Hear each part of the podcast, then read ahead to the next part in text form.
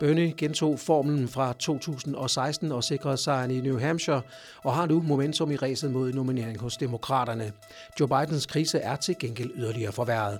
Vi ser nærmere på vinderne og taberne efter det første primærvalg nu er overstået.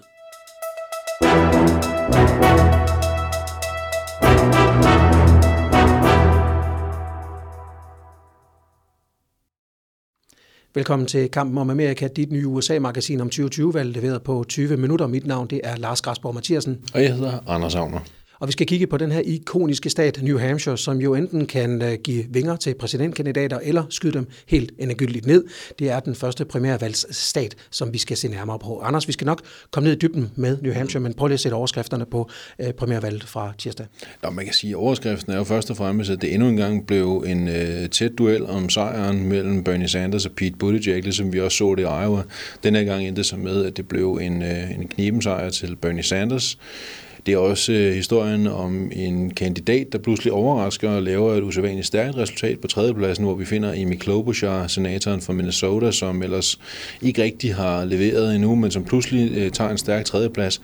Så er der altså også øh, historien om, øh, om to tabere, vil jeg sige, øh, henholdsvis Elizabeth Warren og Joe Biden i særdeleshed, som øh, begge to kommer fra New Hampshire med nogle rigtig, rigtig dårlige valg. Så det er, øh, som du selv siger, det er et sted, hvor øh, drømme enten kan, øh, kan få vinger eller blive, øh, blive skudt af. Og øh, det er, øh, det er i hvert fald tilfældet med Bernie Sanders og Pete Buttigieg lige nu, at de tænker, det kan godt være, at øh, præsidentdrømmen pludselig er inden for rækkevidde til at blive virkelighed. Kamp om Amerika, det er jo dit øh, nye USA-magasin magasin leveret af kongressen.com. Vi kommer både som video på Twitter, på Facebook, på YouTube. Vi kommer også på podcast, på øh, din podcast, øh, hvor du finder den som app, enten på Apple Podcast, i Spotify eller øh, SoundCloud, hvor vi uploader. Du kan støtte vores arbejde ved at give os en, øh, et valgfrit beløb ind på tier.dk. Find os øh, linket ind på kongressen.com. Hvis du sidder som en virksomhed og synes, det kunne være interessant at blive partner på det her spændende magasin, ja, så er du velkommen til at tage kontakt til os her på kongressen.com.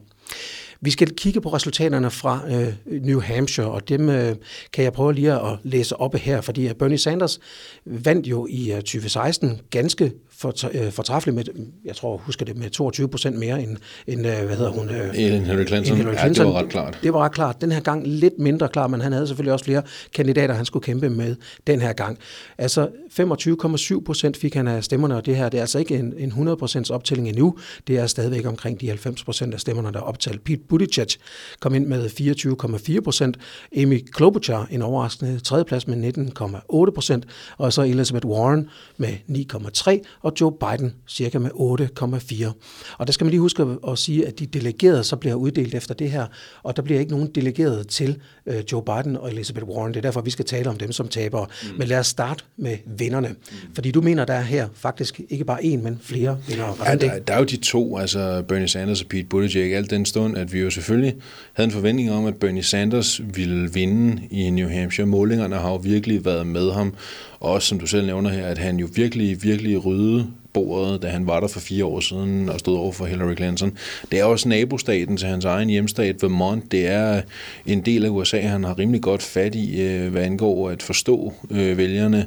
Og øh, man må også bare sige om, om Bernie Sanders og New Hampshire, at altså, man kan godt mærke begejstringen omkring hans kampagne, når man er der. Jeg var der for et par uger siden her øh, for, øh, forud for valgdagen, og øh, det er interessant, at når man snakker med folk, altså det er Bernie Sanders, som, som de især øh, troppet op for at se. De, de kommer også for at se Buttigieg, men altså Bernie Sanders, han kan stadig tiltrække øh, menneskemængder på en måde, som øh, kun kan efterlade de andre kandidater med sund i. Jeg vil så sige, det spændende er også nu at se Pete Buttigieg, fordi han vandt på målfoto, men han vandt i Iowa efter al rodet dernede. Så vandt han alligevel, og har selvfølgelig så øh, haft opgaven, der hed at bygge videre på den vinderfortælling, videreføre det momentum, han fik med sejren i Iowa, mm. og tage det med videre til New Hampshire. Og det må man sige, det lykkedes jo for ham. Al den stund, at han bliver nummer to. Det er, øh, det er et resultat, han absolut godt kan være tilfreds med. Det er klart, at han havde selvfølgelig hellere vundet, men når nu, at... Øh, det skulle være, så er en tæt anden plads absolut ikke dumt, især også fordi han ender med at få nogle lige så mange delegerede som, øh, som Sanders. Der er stadig lige de sidste matematiske teknikaliteter, øh, men øh, overordnet set ser det ud som om, de kommer afsted nogenlunde med lige store portioner delegeret ham og Sanders. Det er klart, det er godt for Buttigieg, og det bygger også yderligere på fortællingen om, at øh, han er en mand i medvind lige nu. Så det er klart, at øh, de to, de står godt i øjeblikket. De har, de har vind i sejlene de står så også over for noget af, af en, en lakmusprøve nu, kan man sige, fordi det er to ret hvide stater, vi forløbig nu har fået resultater fra, nemlig fra Iowa, som ligger inde i Midtvesten, og så New Hampshire, som ligger i det nordøstlige USA, lige nord for Massachusetts. Og det er klart, når nu man så skal til Caucus i Nevada, hvor der bor mange latinoer, det skal man den 22. Og så videre til South Carolina, hvor der bor mange sorte vælgere den 29. februar, jamen der skal de i hvert fald vise, at de så øh, kan bruge tiden klogt herfra og nu til at få, øh, få støttet øh, fra nogle af de vælgergrupper, for det kniber for dem begge to.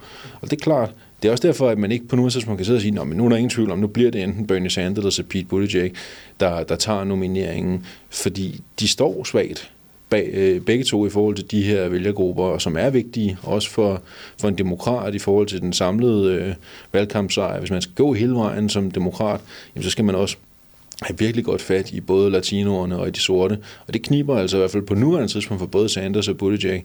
Og det skal de gøre noget ved. Øh, så derfor bliver det ekstremt spændende at se, øh, hvordan de griber de næste, øh, i de første 10 dage anden frem mod, mod Caucasus og Nevada, og så bagefter, hvordan de så håndterer South Carolina. Lad os lige, fordi det gjorde vi sidste gang, lovede vinderen få et, et ord. Det gør vi også den her gang. Lad os lige høre, hvad Bernie Sanders havde at sige til sin som altid meget, meget talstærke øh, publikum, der var mødt frem i øh, Manchester i New Hampshire. Thank you, New Hampshire. Let me, let me take this opportunity to thank the people of New Hampshire for a great victory tonight. And let me say tonight that this victory here is the beginning of the end for Donald Trump.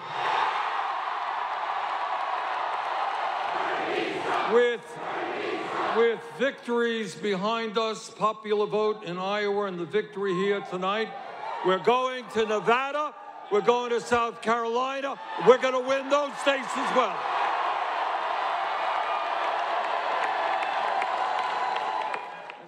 Ja, det har været uh, Feel the Burn i uh, Manchester, i, uh, i New Hampshire, og hele New Hampshire, hele New England er der jo den her Feel the Burn uh, mentalitet. Der er en enorm opbakning til ham, specielt blandt de unge.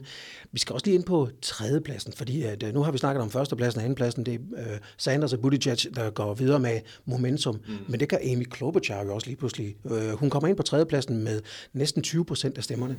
Ja, og det er et øh, overraskende godt resultat. Altså, jeg vil sige, at vi har jo godt kunne se i målingerne op til valgdagen, at det, der var et eller andet i gære omkring hendes øh, kandidatur, fordi hun lavede et rigtig, rigtig øh, godt øh, arbejde i forbindelse med tv-debatten, der var natten mellem fredag og lørdag i sidste uge.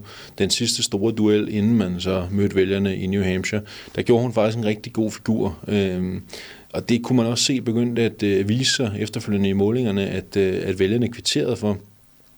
Og det er klart, at, øh, at man laver så stærk en, en slutspurt, hun så gør, og så ender med at øh, blive så stærk en træer, som hun så også øh, bliver.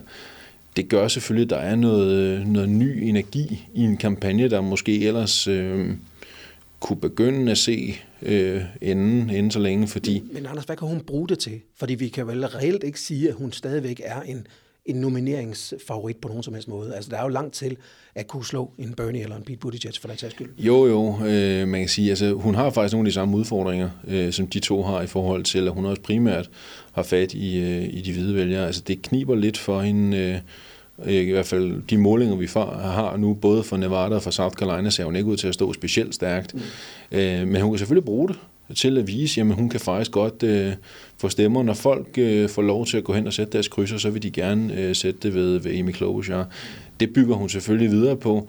Og så, øh, så tror jeg også bare, man må sige, at øh, Klobuchar, hun er øh, ej, stadig ikke favorit. Langt fra. Altså, det vil være meget overraskende, hvis hun ender med at stå som partiets øh, nomineret i kampen mod Donald Trump, når vi når hen til sommerferien. Men øh, omvendt, så, så giver det her i hvert fald noget nyt liv og noget nyt momentum øh, til hendes kampagne, og øh, måske også øh, intensivere spekulationerne om, hvorvidt hun er et bud på en kommende vicepræsidentkandidat. Lad os tage det med det samme. Hvad det tror har, du? Det har jeg lidt svært ved at se, vil Hvorfor? jeg så sige. Jamen, fordi hun giver ikke rigtig øh, nye vælgergrupper øh, på samme måde, som man for eksempel kunne få. Altså, hvis hun skal være vicepræsidentkandidat, så er det jo enten for Bernie Sanders, eller for Pete Buttigieg, eller longshottet Joe Biden. Mm. Og det vil sige, så kigger man som regel, når man finder en vicepræsident, på, øh, så skal man se på, hvad er det, som man har brug for at få suppleret med det, man ikke selv har. Og når vi nu snakker om før, at Pete Buttigieg og Bernie Sanders har vanskeligt ved især at appellere til de sorte vælgere, så kunne det måske være en idé at vælge en sort vicepræsidentkandidat, hvis det er en af dem, der vinder nomineringen. Det kunne også være øh, en idé for Joe Biden at vælge en, en sort, øh, muligvis endda en sort kvinde, har der været snak om. Der har været spekuleret i både Kamala Harris, den tidligere præsidentkandidat, der er senator for Kalifornien, der har også været spekuleret i Stacey Abrams osv. Men man kan sige, Klobuchar øh, har selvfølgelig øh, mere at skyde med. Hvis hun begynder at lave gode resultater og samler delegeret ind, så har hun selvfølgelig noget mere at forhandle med. Men jeg har lidt svært ved at se øh, på noget tidspunkt, at, øh, at hun skulle blive øh, vicepræsidentkandidat for, øh, for enten Bernie Sanders, Pete Buttigieg eller hvis det mod forventning ender med, at Biden får vendt skuden, at det så skulle være, at øh, hun bliver den anden del af en, en ticket. Men jeg vil sige, vi kommer til at høre mere til hende nu. Det er klart, at der er også en helt anden grad af mediefokus på hende nu, al den stund, at hun lavede det her rigtig, rigtig stærke, meget overraskende resultat i, øh, i New Hampshire. Vi øh, skal lige tale om taberne, fordi Elizabeth Warren kommer ind på en fjerdeplads, og Joe Biden kommer ind på en femteplads. De to får ikke nogen delegeret med fra New Hampshire. Mm. Øhm, der er vel ikke nogen tvivl om, at vi tager, her taler om nogle ret store tabere. Nej, øh, det er der ikke rigtig nogen tvivl om, at man kan sige. En ting er, at øh, der var lagt i ovnen til en dårlig Joe Biden-aften, og det var der godt nok også tale om. Det var så dårligt, øh, altså, det var så dårligt, at Joe Biden havde forladt New Hampshire. Ja, han var taget til South Carolina for at gøre klar til næste Gør klar til næste runde, fordi han vidste godt, at de pryl, han fik i New Hampshire, det var absolut ikke værd at bruge tid på. Det handlede om at prøve at komme videre. Det er skidt. Der er ikke rigtig to meninger om den sag. Det er noget skidt for Joe Biden, det her. Og øh, han skal til at levere varen på den helt store klinge nu, både i Nevada og i South Carolina. Altså, Biden skal til at vinde nu. Mm. Altså, han er nu forløbig kommet afsted fra Iowa med en fjerdeplads, og fra New Hampshire med en femteplads. Når man er udråbt til at være favoritten, og også har meget travlt med at fortælle, at det er altså ham, der kan slå Trump, mm jamen, så skal man jo altså også lige have vælgerne til at kunne se fidusen i det, og at øh, få dem til at gå hen og sætte øh, deres krydser ved, øh, ved hans navn. Det gør de ikke rigtigt endnu. Så han skal vise, at han faktisk kan, fordi kommer han fra Nevada med en, lad os sige, øh, anden plads eller en tredje plads eller sådan noget, så er det selvfølgelig også et spørgsmål om, hvem der vinder, men det bliver godt nok endnu mere op ad bakke. En sejr i Nevada og en sejr i South Carolina, jamen så er han tilbage i, i sadlen. Men øh, det er altså også det, det kræver, fordi det er gået så dårligt i de første to øh, stater. Så selvom han har været ude og prøve at sige, nah, prøv nu lige at høre, det er slet ikke repræsentativt, og det er ikke sådan befolkningssammensætningen er i forhold til de første to stater. Nej, det kan godt være. Men øh, det er nu engang bare en del af spillet, at det er der, man starter. Og øh, nu har han jo travlt med at fortælle, hvor gode venner han er med Barack Obama. Så kan han jo prøve at spørge ham, hvor meget det betød at vinde Iowa. Og også øh, kigge i historiebøgerne og se, jamen Obama han blev nummer to i New Hampshire. Men historikken viser nemlig også, at bliver man enten nummer et eller nummer to i New Hampshire, jamen så vinder man også sit partis nominering. Øhm, jeg vil sige, det er jo så det Biden, han skal modbevise. Nu er han blevet nummer fem. Vi skal også lige undskyld, have lige et par spørgsmål fra vores øh, brugere, som vi jo har opfordret til, at du er altid velkommen til, øh, hvis du sidder derude og lytter med eller ser med, at øh, til vores program og komme med nogle spørgsmål, så skal vi prøve at tage nogle af dem med. Vi kan desværre ikke, for vi har fået rigtig, rigtig mange gode spørgsmål, få dem alle sammen med. Men øh, vi tager et af dem her fra en Niels Christian Friborg. Det kommer på skærmen her. Øh, han spørger, hvem er reelt inde i billedet øh, for, øh, hvad hedder det, om at blive demokraternes kandidat? Er Biden på vej ud? Og hvad med Amy Klobuchar? Jeg tror, man skal være lidt varsom med at afskrive Biden på nuværende tidspunkt, men øh, det var ikke længe før, at det begynder at give mening at snakke om det. Hvis ikke han leverer varen i Nevada, hvis ikke han leverer varen i South Carolina, altså så, øh, så går det ret stærkt derfra. Det, der så er det lidt spændende i forhold til, til Biden, og det er jo også det, man skal holde øje med i de kommende dage frem mod i første omgang den 22. februar ved caucuset i Nevada, det er, hvordan, øh, hvordan er fortællingen rundt om ham? Hvad er det for en dynamik, der omgiver hans, øh, hans kampagne?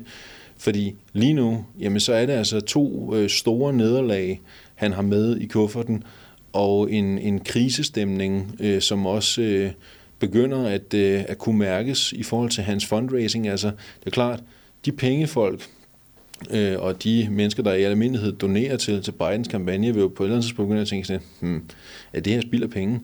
Øh, kan han overhovedet øh, stå distancen? Altså, hvis det går så galt hver eneste gang, han, øh, han møder vælgerne, altså, skulle vi så hellere gå et andet sted hen? Skulle vi hellere gå med Buttigieg, eller skulle vi hellere gå med Klobuchar, eller hvad med Michael Bloomberg osv.? Det er klart, det, øh, det er selvfølgelig med til at lægge yderligere pres på, på Joe Biden. Men jeg tror lige, vi skal, det er lige en postgang for tidligt at, at dømme ham helt ude. Han kan forvente skuden, men det kræver altså, at han virkelig, virkelig leverer på den store klinge, både i Nevada og i South Carolina.